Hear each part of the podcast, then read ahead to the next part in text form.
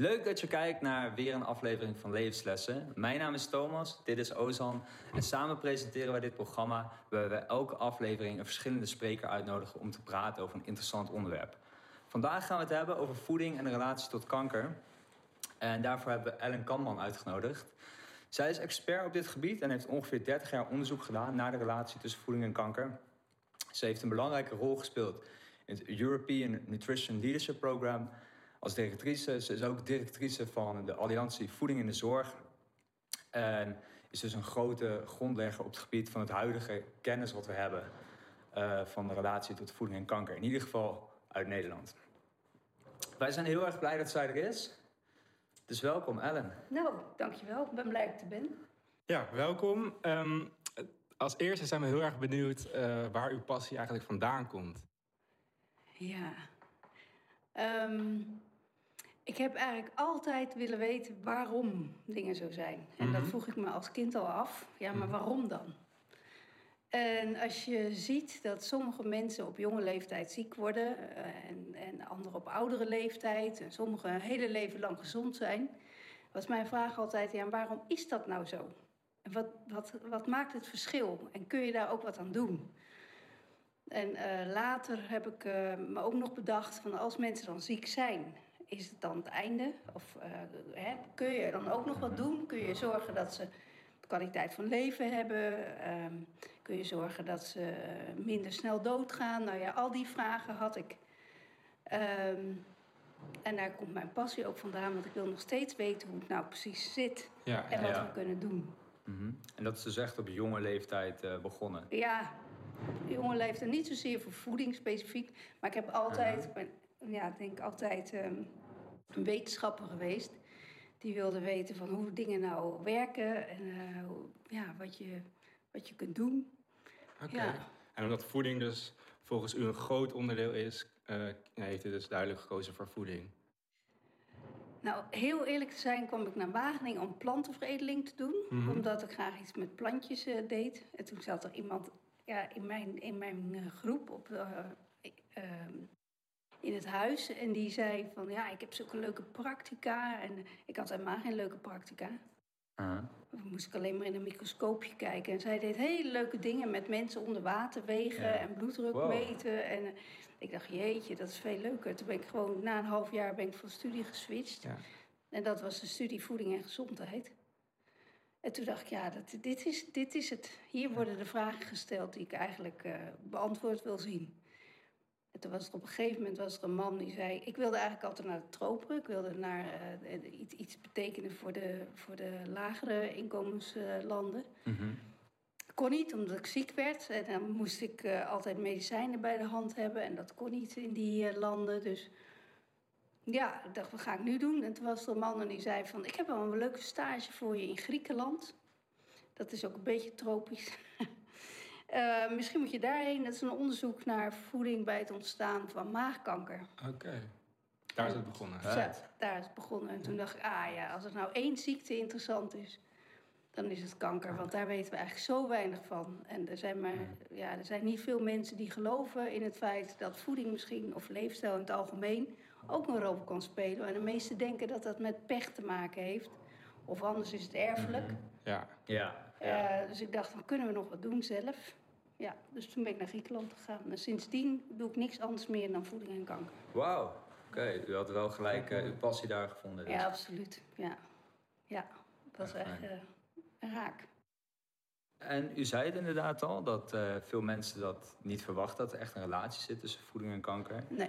Uh, wij hadden dat zelf ook een beetje. We dachten van ja, in principe is het toch... zijn toch grote risicofactoren roken eerder, dacht ik. Maar hoe groot uh, acht u de rol van voeding? Nou, als je het vergelijkt met de rol van uh, roken. Uh, roken veroorzaakt longkanker, maar niet alleen longkanker, maar veel meer verschillende soorten kanker. Ook borstkanker wordt door roken soms veroorzaakt. Dan veroorzaakt roken ongeveer 30% van alle kanker. Zo. Mm -hmm. uh, voeding, en dan moet je dat breed zien, daar zit ook overgewicht bij bijvoorbeeld. Ja. Uh, overgewicht heeft natuurlijk ook alles te maken met slechte voeding en te weinig bewegen. Mm -hmm, uiteraard. Um, en samen met te, het feit dat we te weinig groente en fruit eten, te veel rood vlees eten, eh, niet genoeg vezels binnenkrijgen, veroorzaakt ongeveer 20% En Zo. dan lichamelijke activiteit, eh, te lage lichamelijke activiteit ook nog ongeveer 5% Dus het zit tussen de 25 en 30 Wordt veroorzaakt door leefstijl anders dan roken. En als je dat weer vergelijkt met bijvoorbeeld de erfelijkheid, Mhm. echt erfelijk, dus dat Ja. het in, in families voorkomt, hè, dat is maar ongeveer 5% Echt waar? Oké, terwijl dat denk ik wel als een hele grote factor Klopt. wordt gezien. Ja, Ik had zelf eigenlijk ook het idee dat dat de grootste factor was. Maar nee, dat zo. is niet zo. En ehm, luchtvervuiling kun je ook nog aan denken. Hè? Mm. Of eh, Stress? stress. Stress weten we eigenlijk helemaal niets van. Dat is Ja. ook heel moeilijk te meten. Ja, want ja. Wat, wat voor jou stress is, is voor mij misschien helemaal geen stress. Ja, oké. ja. Ja, Dus, oké. en, en hoe meet je dat dan? Wat, eh, ja, dan zou je Mhm. mensen met, eh, misschien met een hartritme eh, iets moeten meten of zo. Of, of ja, je kunt, kunt iets meten in het haar, wat, eh, wat, wat iets van stress aangeeft. Maar dat is heel moeilijk, dus daar weten we heel weinig van.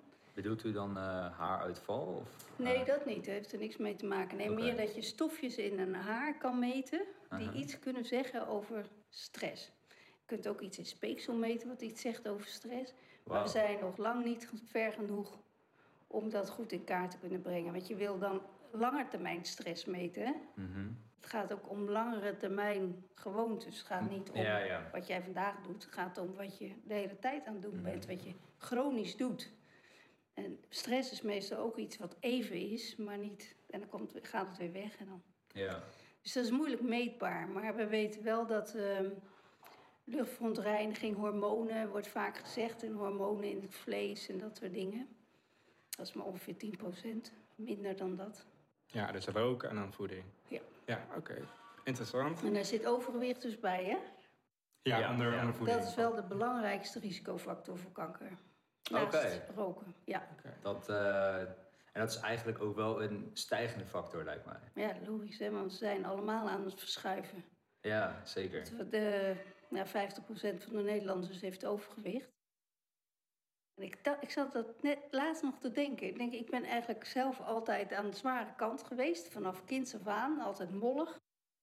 En nu zie ik dat, dat ik denk, ik ben helemaal geen uitzondering meer. Ik was vroeger altijd iemand die weer, nou, ik was wel altijd aan de zware kant. En nu zie ik al die mensen om me heen en ook jongeren om me heen. En ik denk, nou, Ah. mag het Je best ziet er niet mondig uit, hoor. Nee, Nee. nu niet meer. Maar, Ah. dat is een, dus, maar ik ben niet veranderd. Maar de wereld om me heen is wel veranderd. En we verschuiven allemaal zo naar die, wat we noemen een BMI van 25. Wat het kantelpunt is. Ja. Mhm. En dat is je gewicht gedeeld door je lengte in centimeters in het kwadraat. Mhm. Die moet onder de 25 zijn. Bij heel veel mensen zit het er dus boven. En mensen op mijn leeftijd hebben meestal 26, 27. En dat vinden we heel normaal. Ja, dat is helemaal klopt, niet inderdaad. normaal.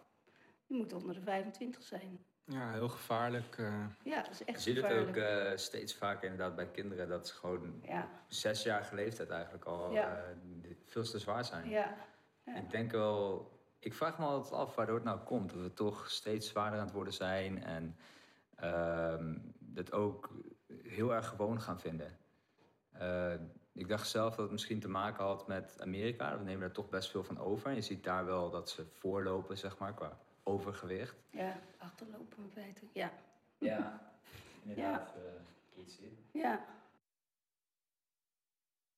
Denk je dat er ook nog andere redenen zijn? Denk je, hoe denk je dat dat met name komt? Ik denk dat de belangrijkste reden toch echt is dat we overeten. En dat we zoveel prikkels eh, hebben aan eten. Eigenlijk kun je nooit ergens lopen zonder dat je ergens iets kan kopen, zoiets kan eten. En je ruikt het ook altijd op straat en, en op het station. En, eh, het is overal wel wat. Je kunt overal altijd wel iets krijgen. Dus je kunt zo makkelijk aan eten komen. We hoeven Ja. daar niet meer moeite voor te doen. Hè? En alles is bewerkt. Alles is bewerkt, ja. Nou is dat nog niet, ja, niet het ergste. Het, is- het gaat met name om dat je gewoon te veel eet. Ja, En van, van goede dingen, zoals wat jullie hebben, fruit eh, staan... Mhm. daar kun je niet zo heel veel van eten. hè. Dan Vanwege de zit je al heel gauw vol. En dat, door de voedingsvezel die erin zit, dat vult toch op een gegeven moment ook wel vrij veel. Mhm. Terwijl je van sommige andere dingen, met de fast foods, dat, dat, prop je ook allemaal naar, naar binnen. Ja. En er zit heel veel energie in, terwijl hier zit heel weinig energie in. En dat kun je heel makkelijk eten. De hap slikt weg Mhm. met zo'n zo'n dun broodje van de hamburger, Ja. zeg maar. Hè. Er zit vaak ook een stofje in waardoor je juist meer gaat eten, heb ik het idee. Meestal als ik bij eh, een fastfoodketen ben ehm, en ik eet wat, dan, dan eet ik veel meer dan normaal. Omdat je juist door zo'n eerste hamburger zin hebt in een tweede. Ja, want dat is niet bewezen. Oh, oh is dat Nee, zo? Oké. nee. Maar het is wel zo dat, we, dat je ge- gewoon heel makkelijk heel veel calorieën tegelijkertijd binnenkrijgt en het niet in de gaten hebt. En, en jouw lijf, normaliter reageert hij wel van, nou, ik, eh, ik heb echt wel genoeg gehad. Als je zo'n grote, dikke bruine boterham eet met flink veel volkoren eh, erin, of granen erin, dan kun je niet echt heel veel van op. Maar van zo'n zo'n broodje van eh, een fastfood kun je prima eh, eventjes nog eentje doen. Vo- het vult gewoon niet, Ja. denk je. Mhm. Maar er zitten wel calorieën in voor een hele, hele dag, hè? ja, ja, absoluut. En wat- maakt het ook eigenlijk. Ja. En wat voor voeding raadt u dan echt aan, zeg maar? Wil je dan de kans op kanker ja, verlagen, zeg maar, of zo min Ja. mogelijk maken? Wat raadt u dan aan? Nou, er zijn ongeveer, eh, dat wil ik nog wel even zeggen, want de, de mensen denken wel, haal je dan die wijsheid vandaan? Maar er zijn ongeveer 10.000 studies gedaan, of meer dan dat zelfs, naar ehm, voeding bij de preventie van kanker. Dus hoe je voeding met, met, eh, of kanker door voeding kan voorkomen. Mhm. En daaruit eh, zijn eh, uit al die onderzoeken samengenomen, men- studies bij mensen, bij dieren, eh, in, in het laboratorium en celkweek, alles samengenomen en daaruit zijn de, de richtlijnen voor kankerpreventie ontstaan. En die zijn eigenlijk vergelijkbaar met de richtlijnen goede voeding. Dat is ook op die basis, op Mhm. wetenschappelijk onderzoeken gebaseerd eh, opgesteld. En als je daarnaar kijkt, dan zie je dat, eh, dat we aanbevelen, die richtlijn, dus aanbevelen dat je meer groente en fruit eet. En wij doen dat allemaal veel te weinig. Oké. Ehm, dus dat is nummer één. Eh, daarnaast zeggen we voor darmkanker is het zo dat rood vlees, en dan is varkensvlees en rundvlees, Aha. dat dat het risico verhogen. 17% heb ik een keer van u gehoord. Oh ja? Ja, ja, op, ja op YouTube heb ik dat Oh, dat gezien. klopt, ja. De- ja.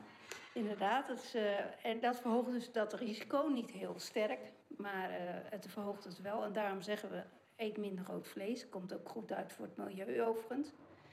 Ehm, daarnaast eh, eh, zeggen we, drink, eh, drink genoeg, in ieder geval. Probeer, en dan geen frisdranken met suiker. Mhm. Niet vanwege de suiker, dat is Mhm. op zich niet kankerverwekkend. Maar het gaat erom dat frisdranken met suiker heel veel calorieën bevatten. En dat is weer hetzelfde als met die fastfoods. Aha. Daar kun je gewoon ontzettend veel van binnen krijgen... zonder dat je doorhebt hoeveel calorieën je binnenkrijgt. En dat is heel gevaarlijk. Dus daarom zeggen we, probeer die frisdranken te vermijden. Probeer die fastfood zoveel mogelijk te vermijden. Mhm. Probeer dus op gewicht te blijven en die BMI van 25 vast te houden, of daaronder eigenlijk. Ehm, en probeer genoeg te bewegen. En eh, dat doen we op zich in Nederland nog wel aardig met dat fietsen.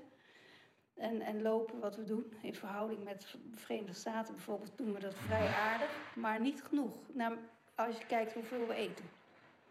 Juist. Dus, eh, Eh, en ik ben wel benieuwd eigenlijk, want het klinkt heel logisch dat als mensen overgewicht hebben, ze eh, minder gezond zijn, dus eerder ehm, kanker kunnen krijgen. Maar hoe komt het nou precies dat als je overgewicht hebt, je dan dat eerder krijgt? Nou, er zijn heel veel verschillende eh, manieren waarop dat zo is. Je Mhm. moet dan allereerst weten dat kanker is niet één ziekte. Maar kanker zijn honderden verschillende ziektes die allemaal met zich meebrengen dat er een eh, extreme celgroei is die op een gegeven moment ontstaat. En die celgroei, die hebben we normaliter ook wel, maar die, die is dan niet meer te stoppen. Dus dat gaat maar door en gaat maar door, waardoor je uiteindelijk van één klein celletje uiteindelijk een grote tumor krijgt. Maar voor alle verschillende kankersoorten werkt dat op een andere manier. Nou zijn er tenminste tien kankersoorten die veroorzaakt worden door overgewicht. En dat is eh, eh, bijvoorbeeld afvleesklierkanker, eh, leverkanker, dikke darmkanker, borstkanker na de menopauze. Nou, al die verschillende vormen van kanker die worden op een andere manier ontstaan. Die. En er zijn er drie verschillende manieren waarop dat met overgewicht kan samenhangen. Dat kan omdat overgewicht zorgt voor een andere hormoonhuishouding. En als je eh, bijvoorbeeld bij hormoongerelateerde vormen van kanker, dus borstkanker, prostaatkanker, dan kan dat juist van invloed zijn op om dat, dat celletje wat aan het groeien is extra te stimuleren. Dat is één manier. Bij slokdarmkanker is het zo, daar heb je twee verschillende vormen. Eén vorm is kliercelcarcinoom. En daarbij is het zo dat als mensen te zwaar zijn, zo'n dikke buik hebben, dat ze dan hun voedsel eh, weer terugkomt vanuit de maag naar de slokdarm. Een beetje oprispen. Oh, oké. En dan komt dat zure maagspul, dat komt Aha. tegen die slokdarm aan, waardoor die beschadigt Ja. en uiteindelijk kanker kan veroorzaken. Wow, oké. werkt heel anders. Daarnaast is het nog zo dat bij lever, leverkanker, is het zo dat je mensen die overgewicht hebben, en dan gaat het met name over overgewicht op de buik, dat is de slechtste vorm van overgewicht. Op de benen en de billen is nog niet, eh, dat is wel helemaal niet zo naar, maar op de buik is het slechtst.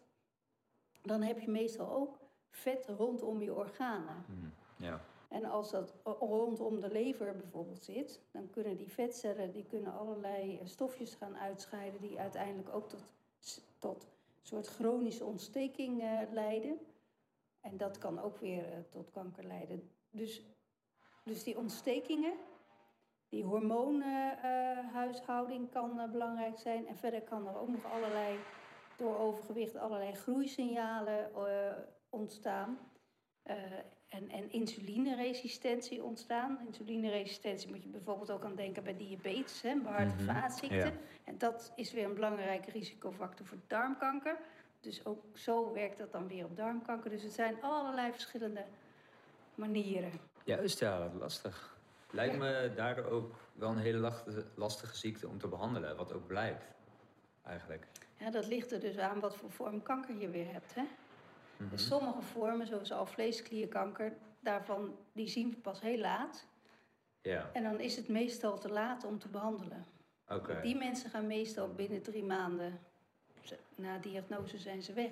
Ja, ja. En Terwijl bij borstkanker, ja, daar hebben we screening voor. Die pikken we heel vroeg op. Dan kunnen ze nog heel makkelijk, er, zeg maar zo'n tumor er makkelijk uitgehaald worden. Mhm. Nou, die vrouwen die hebben 90% kans dat ze het overleven. Oh, zo. Dus het, en daar zijn de therapieën ook wel veel, veel ver- sterk, eh, sterk verbeterd.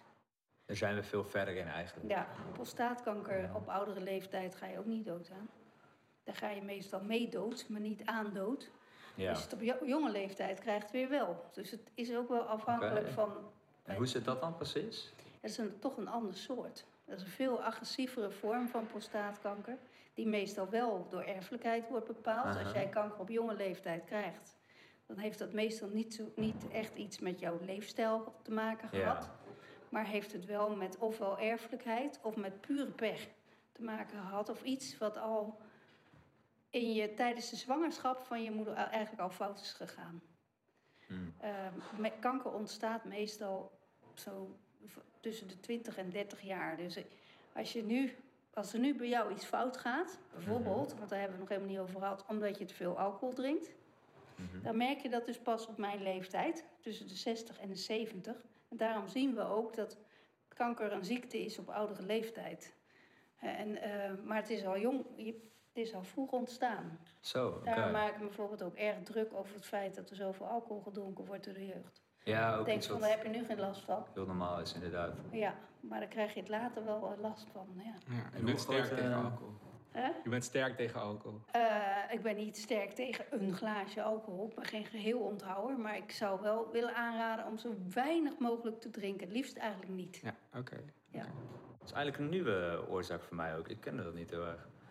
Eh, en hoe groot percentage heeft dat dan in het totale gevallen van zo'n 10 kanker? procent, denk Oké, ik. toch wel. Ja. Ja. Ook omdat we vrij veel drinken. Kijk, die percentages, wat, eh, hoeveel wordt verklaard hè, door een bepaalde eh, blootstelling of voeding, of, Mhm. heeft ook te maken met hoe vaak je het doet. Dus in sommige populaties, sommige landen, waar bijvoorbeeld geen alcohol wordt gedronken, is alcohol helemaal geen risicofactor. Dat is, Ja. draagt ook helemaal niet bij. Mhm. En waar geen overgewicht is, is er ook nog niks aan de hand. Ja. Maar je ziet nu bijvoorbeeld ook in die lage, eh, meer lagere eh, inkomenslanden, dus Mhm. Afrika en Azië, zie Ja. je nu enorm sterk die kankerincidentie, dus het voorkomen van kanker, toenemen. Dat is echt enorm. Oké, en hoe komt dat dan precies? Door onze westerse levensstijl. Die we Ah, misschien via. Amerika binnen hebben gekregen. Ja. Ik denk dat we daar zelf ook wel behoorlijk wat aan gedaan hebben. Eh, maar dat zie je dus nu naar, naar Afrika zakken, naar Azië. Mhm. En eh, ja, daar zie je ook overgewicht toenemen. Je ziet alcoholconsumptie toenemen. Je ziet roken toenemen. Dat ze eigenlijk onze leefstijl overnemen. En ook Ja. zeker in gebieden waar het dan wat armer is, Ja, hebben ze misschien minder opties voor gezonde voeding. ja. En dan zie je gewoon dat het enorm eh, toeneemt. Zijn het dan ook de landen waar kanker het meest voorkomt? Nee, nu nog niet. Oké, is Nu dat eh, zijn het eh, met name nog de westerse landen, dus zoals in, Mhm. de, in de VS. Maar het ligt ook weer aan het soort kanker trouwens.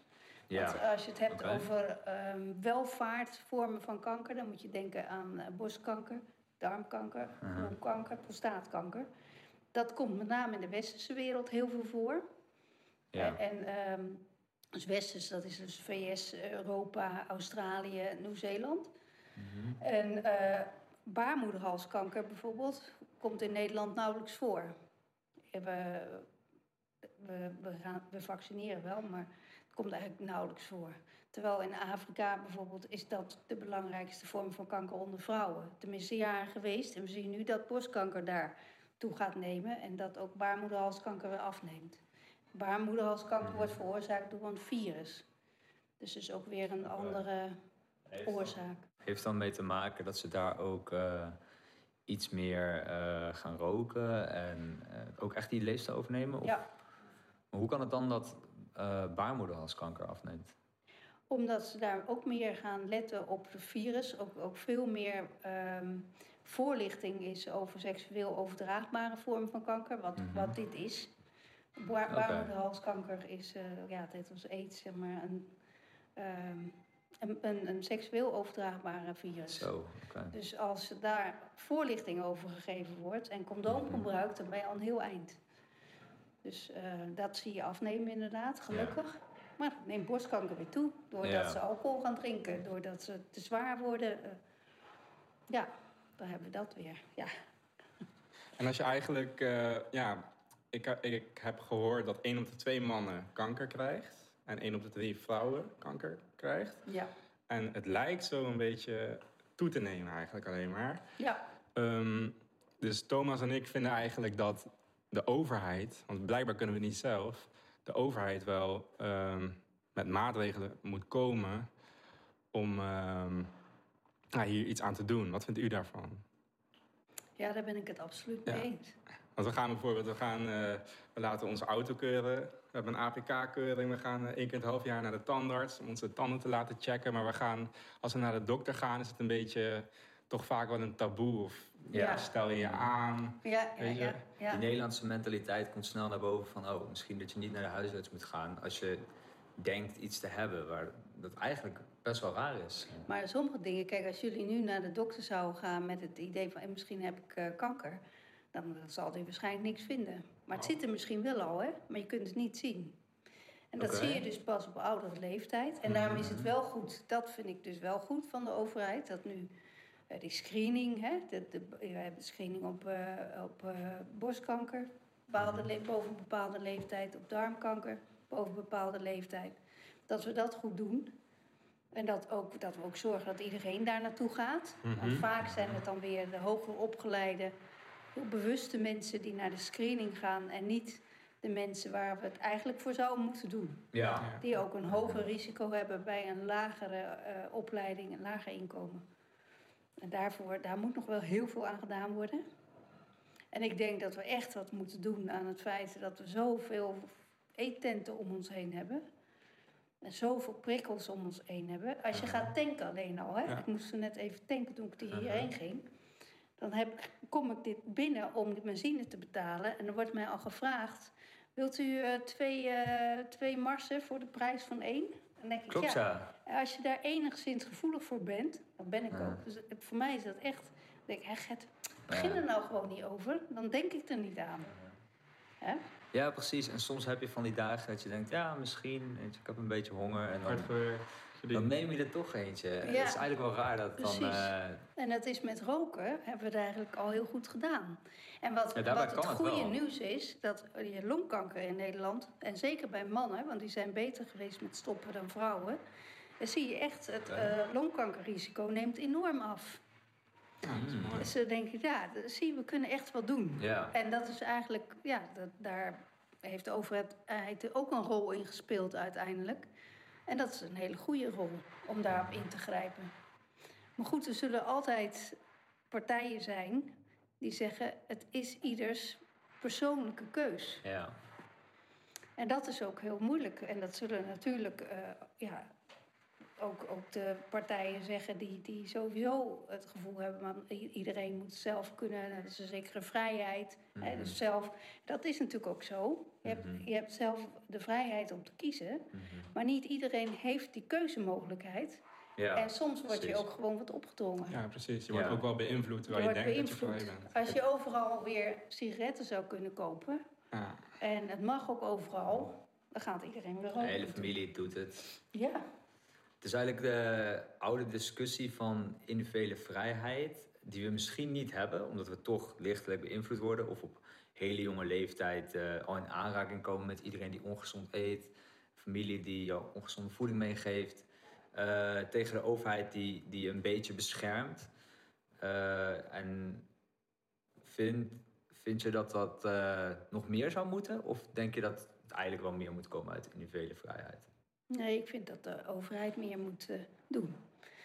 Kijk, we, Ja. we hebben nu ja, met COVID blijkt dat de overheid best enorm veel kan doen. Hij kan, hij kan Ja, restaurants eh, sluiten, er kan, hè, kan van alles. Het gaat eigenlijk en- over niets anders. Nee, het gaat nergens anders over. Dan denk ik, waarom kan het nou niet zo zijn dat we die fastfood-restaurants gewoon niet meer open laten gaan? Uh-huh. Waarom niet? Of kunnen we afdwingen van je mag wel weer open, maar er moet in ieder geval een gezonde keuze zijn. Ja. En die gezonde keuze moet de makkelijkste keuze zijn. Dus die moet vooraan liggen. Dus dat, dat zou u dan een goede maatregel vinden? ja, dat zou ik een goede maatregel vinden. Kun je wel. Kijk, je kunt de keuze nog wel hebben.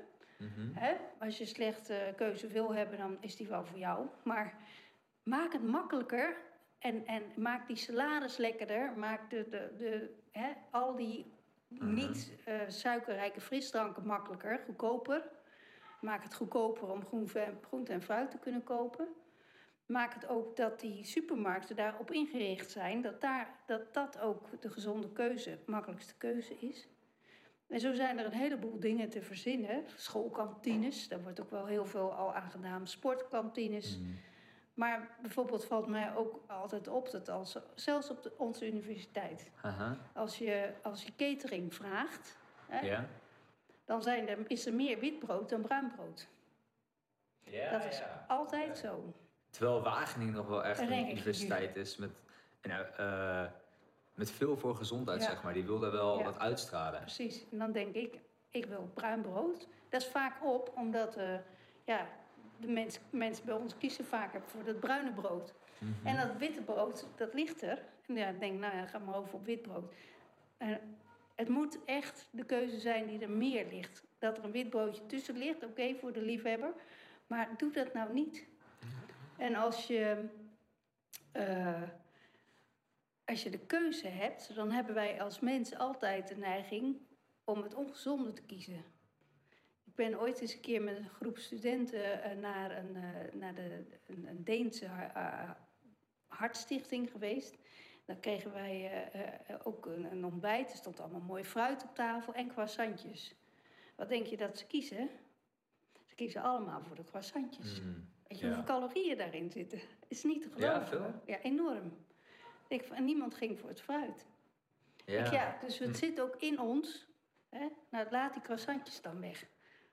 Hoe, eh, Ja, hoe moeilijk ja. is dat? Aha. Ja, ja, en ook, het is- het is ook gewoon een stukje bewustzijn. Weet je? Als je echt weet wat de nadelen zijn van het croissantje en de voordelen. Nou, zijn. precies. En, die, en, die, en daar wordt ook wel heel goed aan gewerkt. Bijvoorbeeld het Voedingscentrum heeft de eetmeter. En dat is een app die je kunt gebruiken. Nou, die gebruik ik dus bijvoorbeeld. Om me veel meer bewust te zijn van hoeveel calorieën ergens in zitten. Want soms heb je het niet eens door.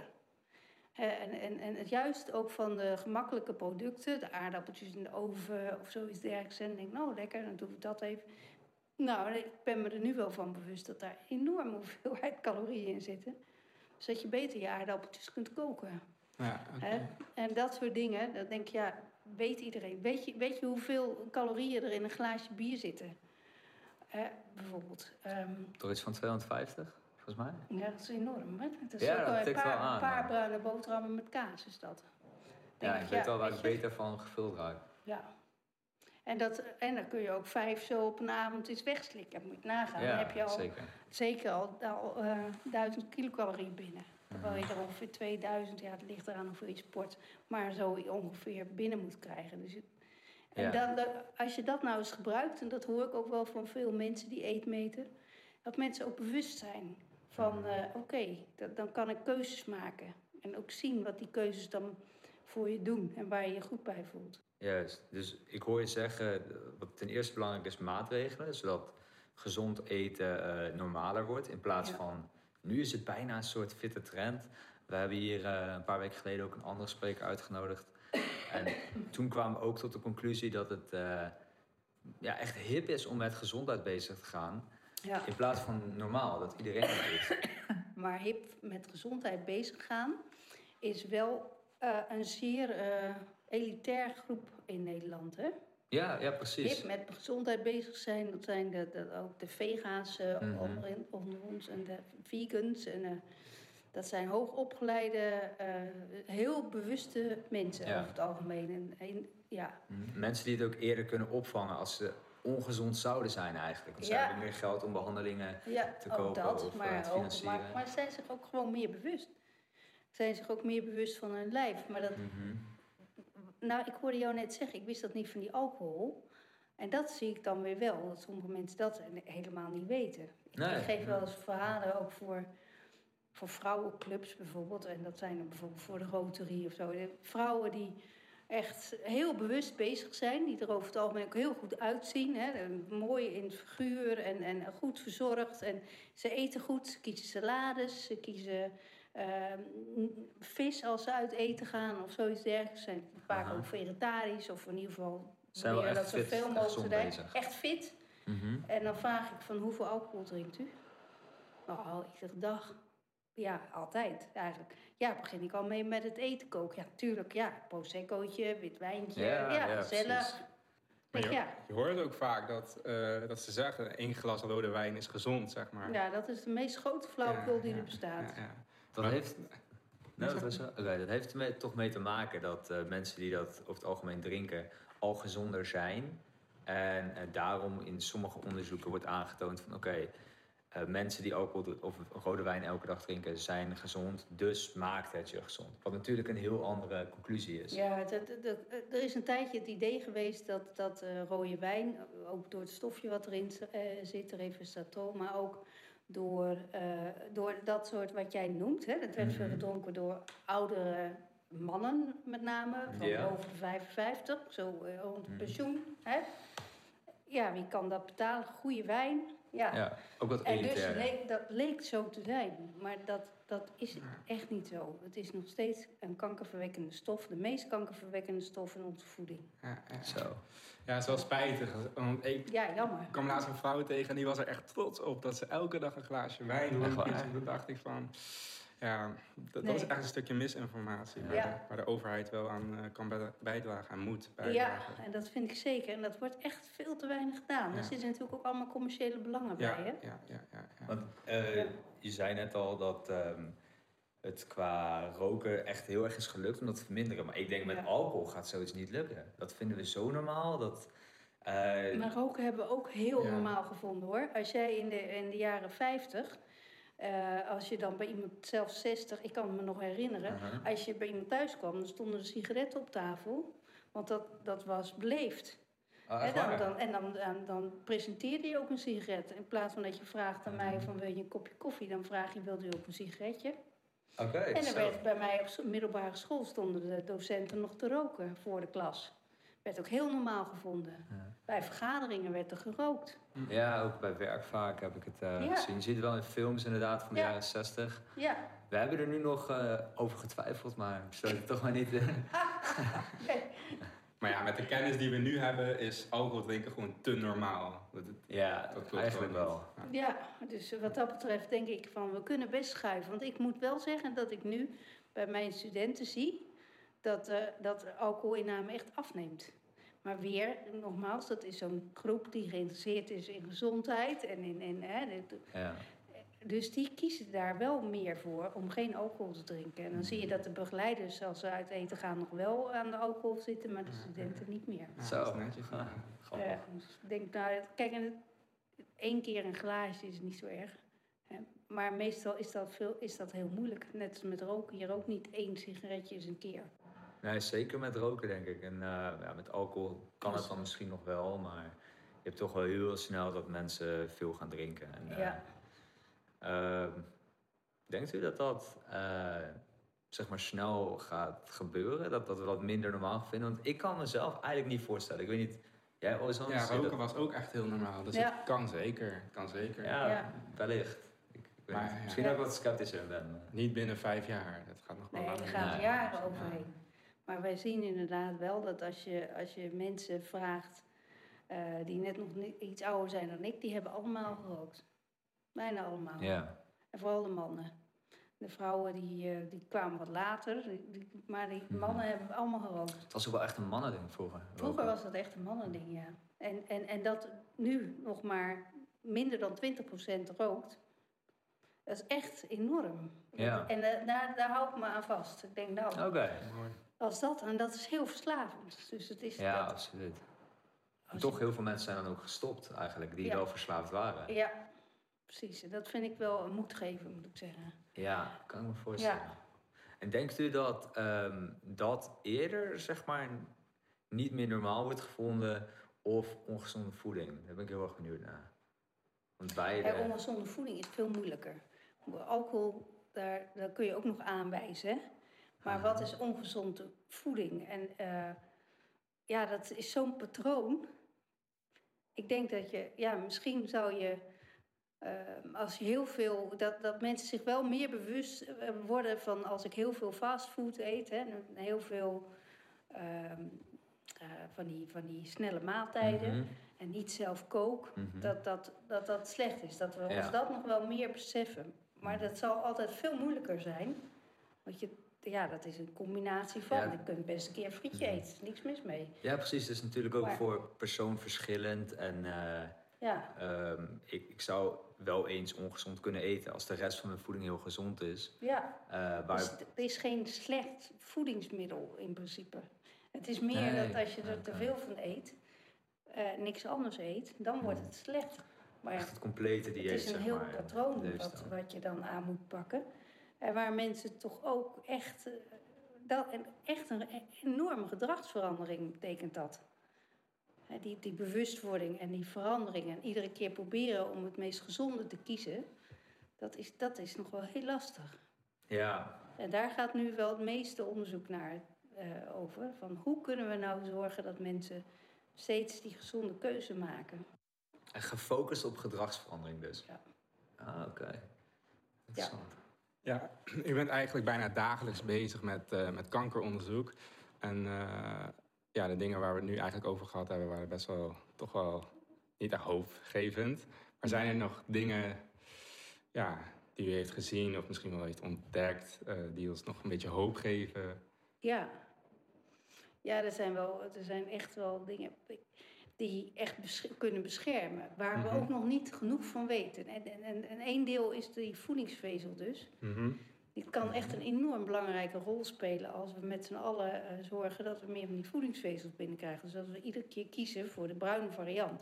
En ik zie bijvoorbeeld dat vroeger was volkoren rijst en volkoren pasta, dat was echt niet te eten. Dat was echt alsof je beton zat te kauwen of betonnen karton zat Ja. eh, te Mhm, kauwen. mhm, mhm. En nu wordt dat steeds smakelijker. En ook steeds normaler. Dan denk ik, ja, ga zo door. Want als we zouden zorgen met z'n allen dat we meer voedingsvezel... dan is het niet alleen ter bescherming van darmkanker... maar ook diabetes ook bepaalde vormen van hart- en vaatziekten.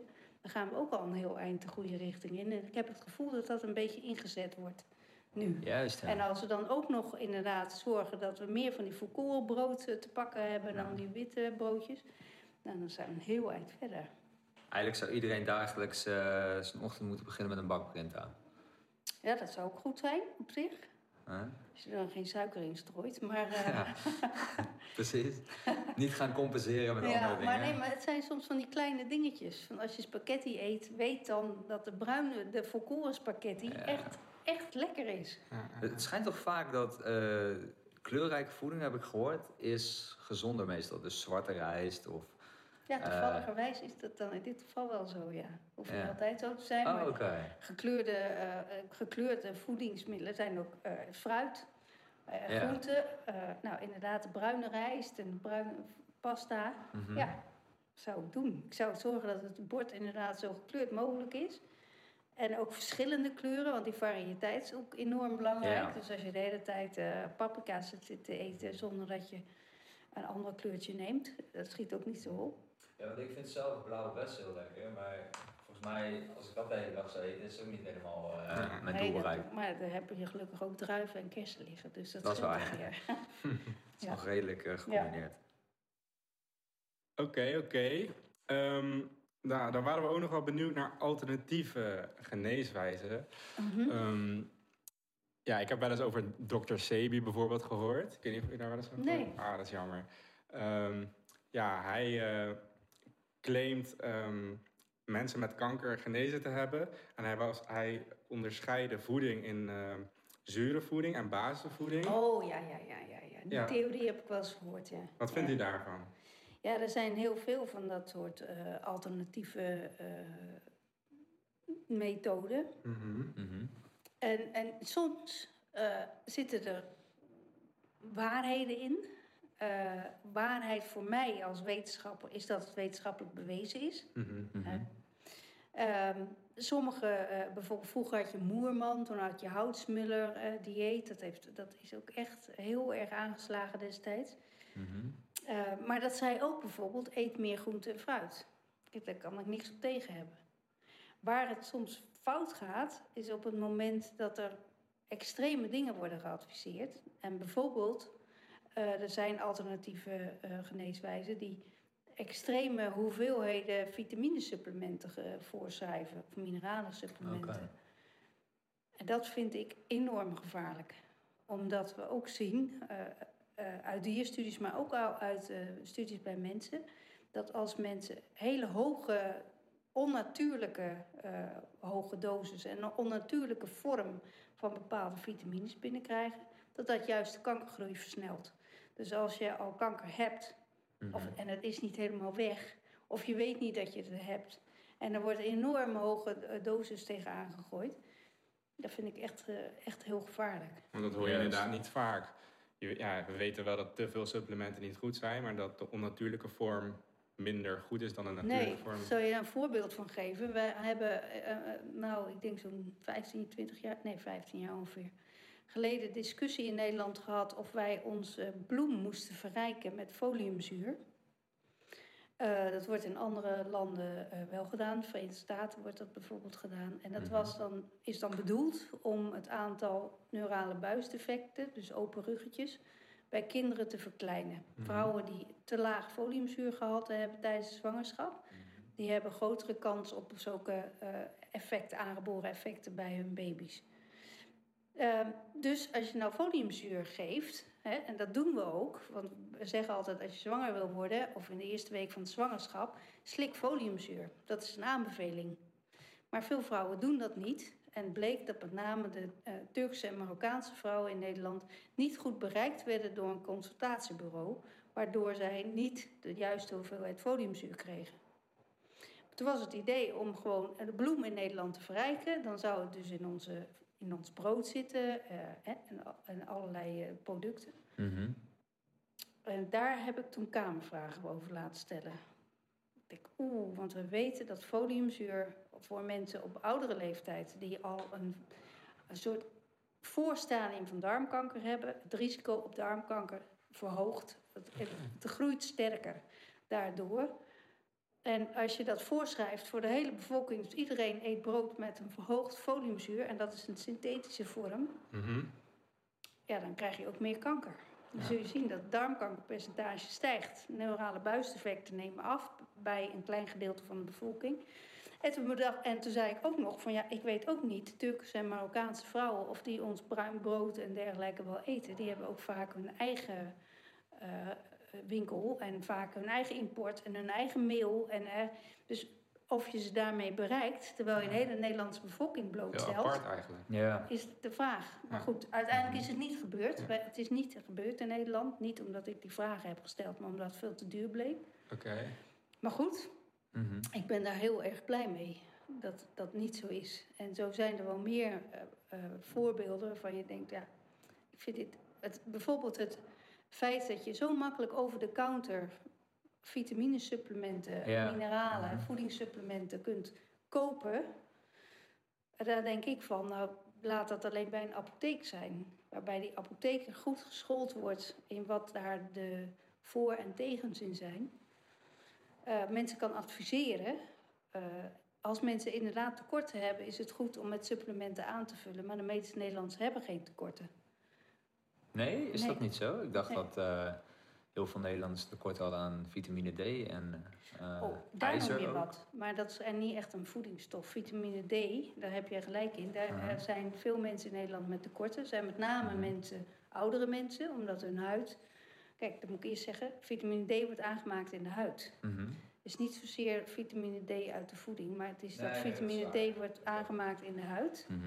En als die huid veroudert, eh, heb je, kun je minder vitamine D aanmaken. Het geldt ook voor een, een gekleurde huid, maakt ook minder vitamine D aan. En als je ook helemaal, wat we, wat we tegenwoordig steeds doen, helemaal met factor 50 in de zon gaan zitten, maak je ook geen vitamine D aan. Dan kan die ultraviolet, straling ook niet die huid eh, goed bereiken. Juist, ja. Dus dat betekent dat er een heel groot deel van de Nederlanders inderdaad een te laag vitamine D heeft. En daarom is er ook een aanbeveling, want dat moet ik er wel bij zeggen, Mhm. een aanbeveling voor mensen, vrouwen boven de 50, mannen boven de 70, om vitamine D-supplementen te gebruiken. Juist. Dus als je niet meer genoeg buiten komt, als je huid het niet goed genoeg doet, of je bent helemaal beschermd door, door eh, lange gewaden of, of door Mhm. crème, dan eh, loop je een risico. Oké. ehm, Maar dat is eigenlijk het enige. Plus dat we foliumzuur adviseren voor zwangere vrouwen. En verder er is nog vitamine K voor baby's. mhm. Eh, misschien zelfs calciumsupplementen eh voor ouderen. Maar verder wordt er geen voedingssupplementen geadviseerd. En dat is niet voor niks. Ah, oké. Verder zou je het eigenlijk niet nodig hebben. Nee. Ook ijzer bijvoorbeeld. Ik had altijd het idee Ja, dat... als je ijzertekort hebt. Ja, maar dat is dus niet Ja, voor gebruikelijk. vrouwen die eh, heel veel, ma- maandelijks heel veel bloeden bijvoorbeeld, kan dat het geval zijn. Maar voor jou oh, juist. is het Ja. risico erg klein. Oké, ja. Goed om te weten. Ehm, en ik had ook begrepen, daar hebben we ook wat van gezien, dat soms juist ook, je gaf het al aan, eh, bepaalde alternatieve geneeswijzen of inderdaad supplementen de behandeling echt in de weg kunnen staan. Ja. Hoe werkt dat dan precies? Gaat er iets met de chemo dan mis? Of? Ja, dat kan. Eh, Sint-Janskruid is, een, is een, een kruid wat in vele voedingssupplementen zit. Wat Mhm. bepaalde chemotherapie kan tegenwerken. Maar een ander voorbeeld, nog even die foliumzuur terug te halen. Ja. Tijdens chemo, er zijn bepaalde vormen van chemotherapie. Die er eigenlijk voor zorgen dat in het lichaam het hele foliumzuurmetabolisme wordt geremd. Want foliumzuur heeft een rol bij DNA-aanmaak. En je kunt je voorstellen, Ah, als je minder DNA aanmaakt, dan, dan rem je de celgroei. Hè? Ja. Wat ik eerder zei, dat, dat is het Mhm. onderliggende bij kanker. Dus dat is wat ze beogen met die chemotherapie. Om die celgroei stil te leggen. Vandaar dat mensen ook hun haar verliezen bij chemotherapie. Eh, ehm, dat worden ook gezonde cellen worden daardoor natuurlijk eh, stopgezet. Nou is het zo dat, dat sommige mensen die, die denken... ik ga supple- voedingssupplementen erbij slikken... die nemen dan vitamine B-supplementen. Daar zit ook een hele hoge dosis foliumzuur in. Dus wat doen ze nou? Ze werken eigenlijk die chemotherapie tegen. Dus je moet heel goed... Daarom zeg ik ook altijd... vertel de oncoloog wat je aan het doen bent. Mhm. Vertel wat voor supplement je gebruikt. Overleg dat. Ja. Of dat of goed is of niet goed is. En hij kan meteen zeggen van, oh, ja, foliumzuur bijslikken op het moment dat je chemotherapie hebt die die foliumzuur eigenlijk remt in het lichaam, Mhm. is niet verstandig. Ligt zo voor de hand, maar Ja. goed. Ja, Mhm. dus dat kan inderdaad. Ja, ik kan me heel goed voorstellen ook dat mensen die zo'n supplement nemen dat niet gelijk weten. Nee. Ehm, ja, maar dat is inderdaad wel een, eh, ja, lastig dat dat eh, gebeurt. En eh, ziet u dat ook vaak gebeuren? Zoiets? Dat, Nou, ik zie wel vaak gebeuren dat, ehm, dat in, eh, in, in zo'n gesprek tussen de, de arts en de patiënt, of de verpleegkundige en de patiënt, vaak niet gepraat wordt, gevraagd wordt naar wat gebruikt u zoal aan voedingssupplementen? Of hebt u, gelooft u in een, een alternatieve therapie? Ehm, bent u anders gaan eten? Eh, ehm, Al, dat soort dingen moeten wel goed besproken worden. Wat ook goed besproken moet worden is als een patiënt weer hersteld is en- Mhm. en kankervrij is, moet je eigenlijk ook proberen om in die spreekkamer ook nog weer eens het feit van het overgewicht ter sprake te brengen. Want meest, ja, veel mensen met kanker hebben ook overgewicht. Want het is een risicofactor.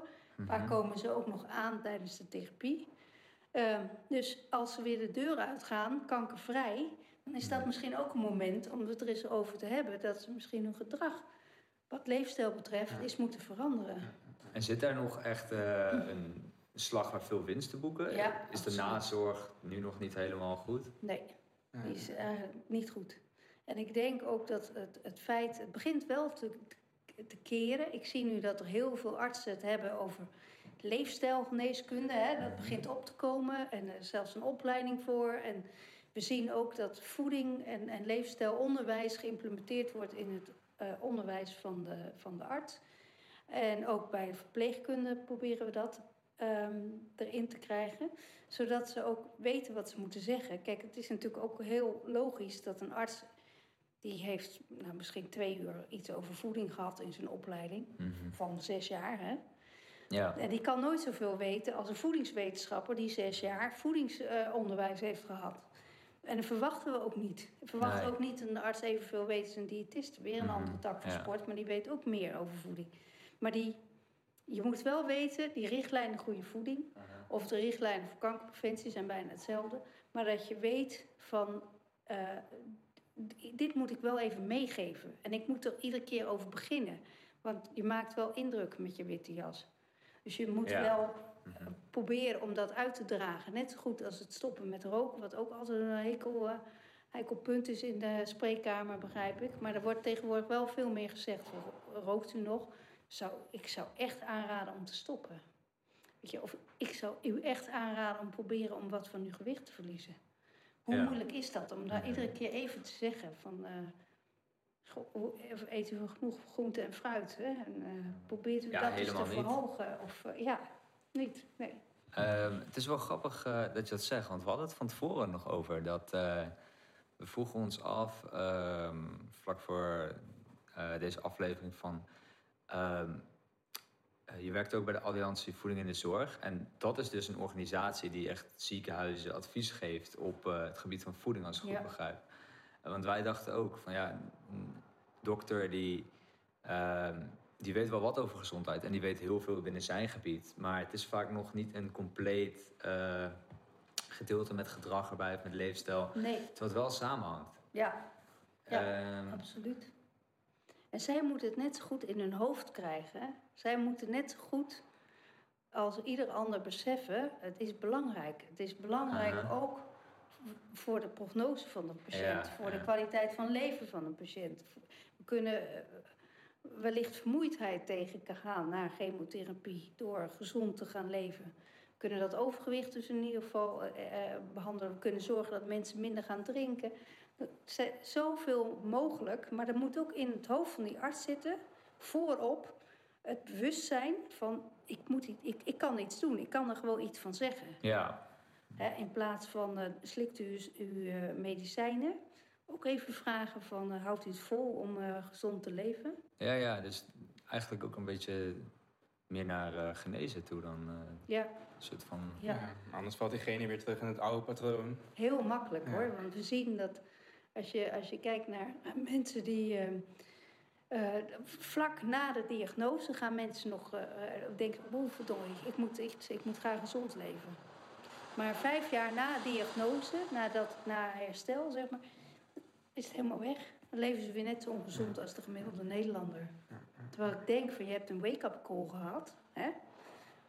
Het is zo weer weg hoor. Ja, je zou denken dan, eh, Ja. dit is die switch, maar Ja, nee. En die switch die wordt wel, wat steeds meer besproken wordt, is, is, is dat het bij diabetes eh, het geval is. Hè? Als mensen daar gezond gaan leven, dan kunnen ze minder, hoeven ze minder insuline te spuiten. Dat, dat is wel heel duidelijk. En het begint nu ook in het hoofd van die artsen te komen.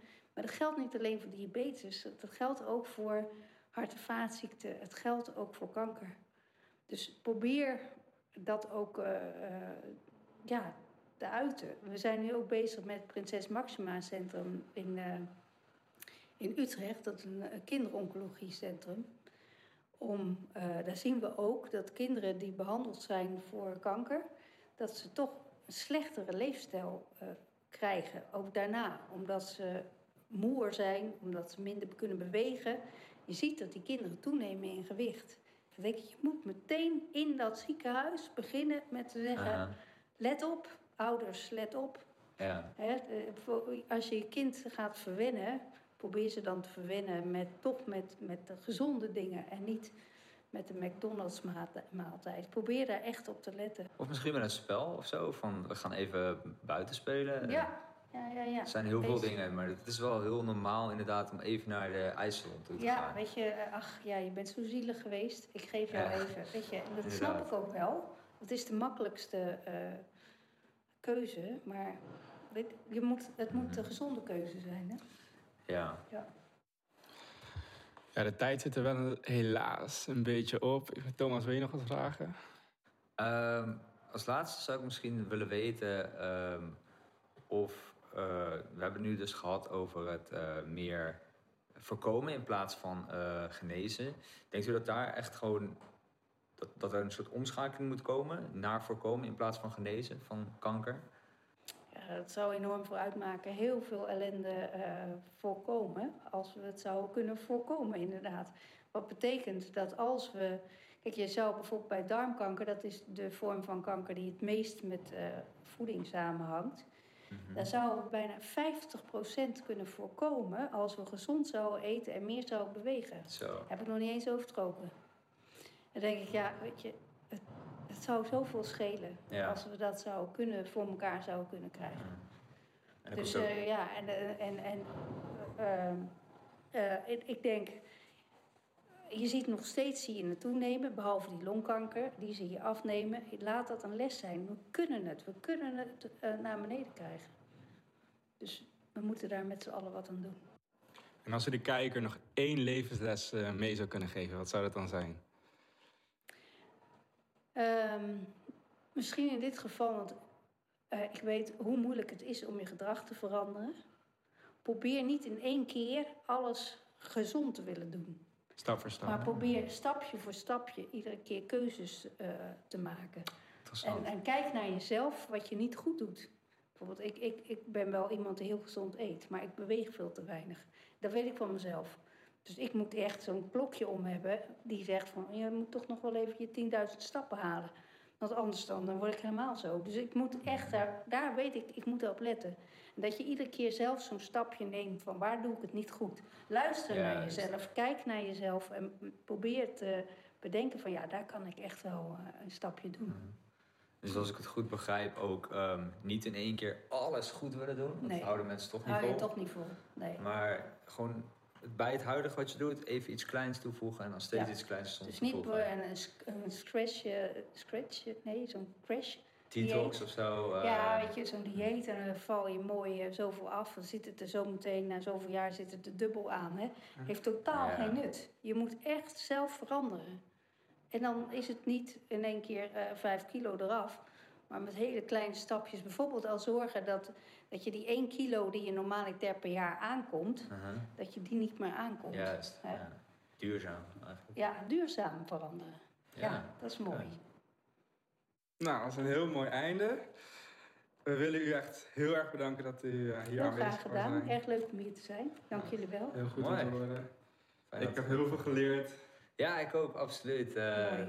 Ik vond het ontzettend eh, leerzaam en ook leuk, moet ik hierover vertellen. Zeker leuk. Interessant onderwerp. Mooi. Ja, was gezellig. Waar kunnen we u vinden op social media?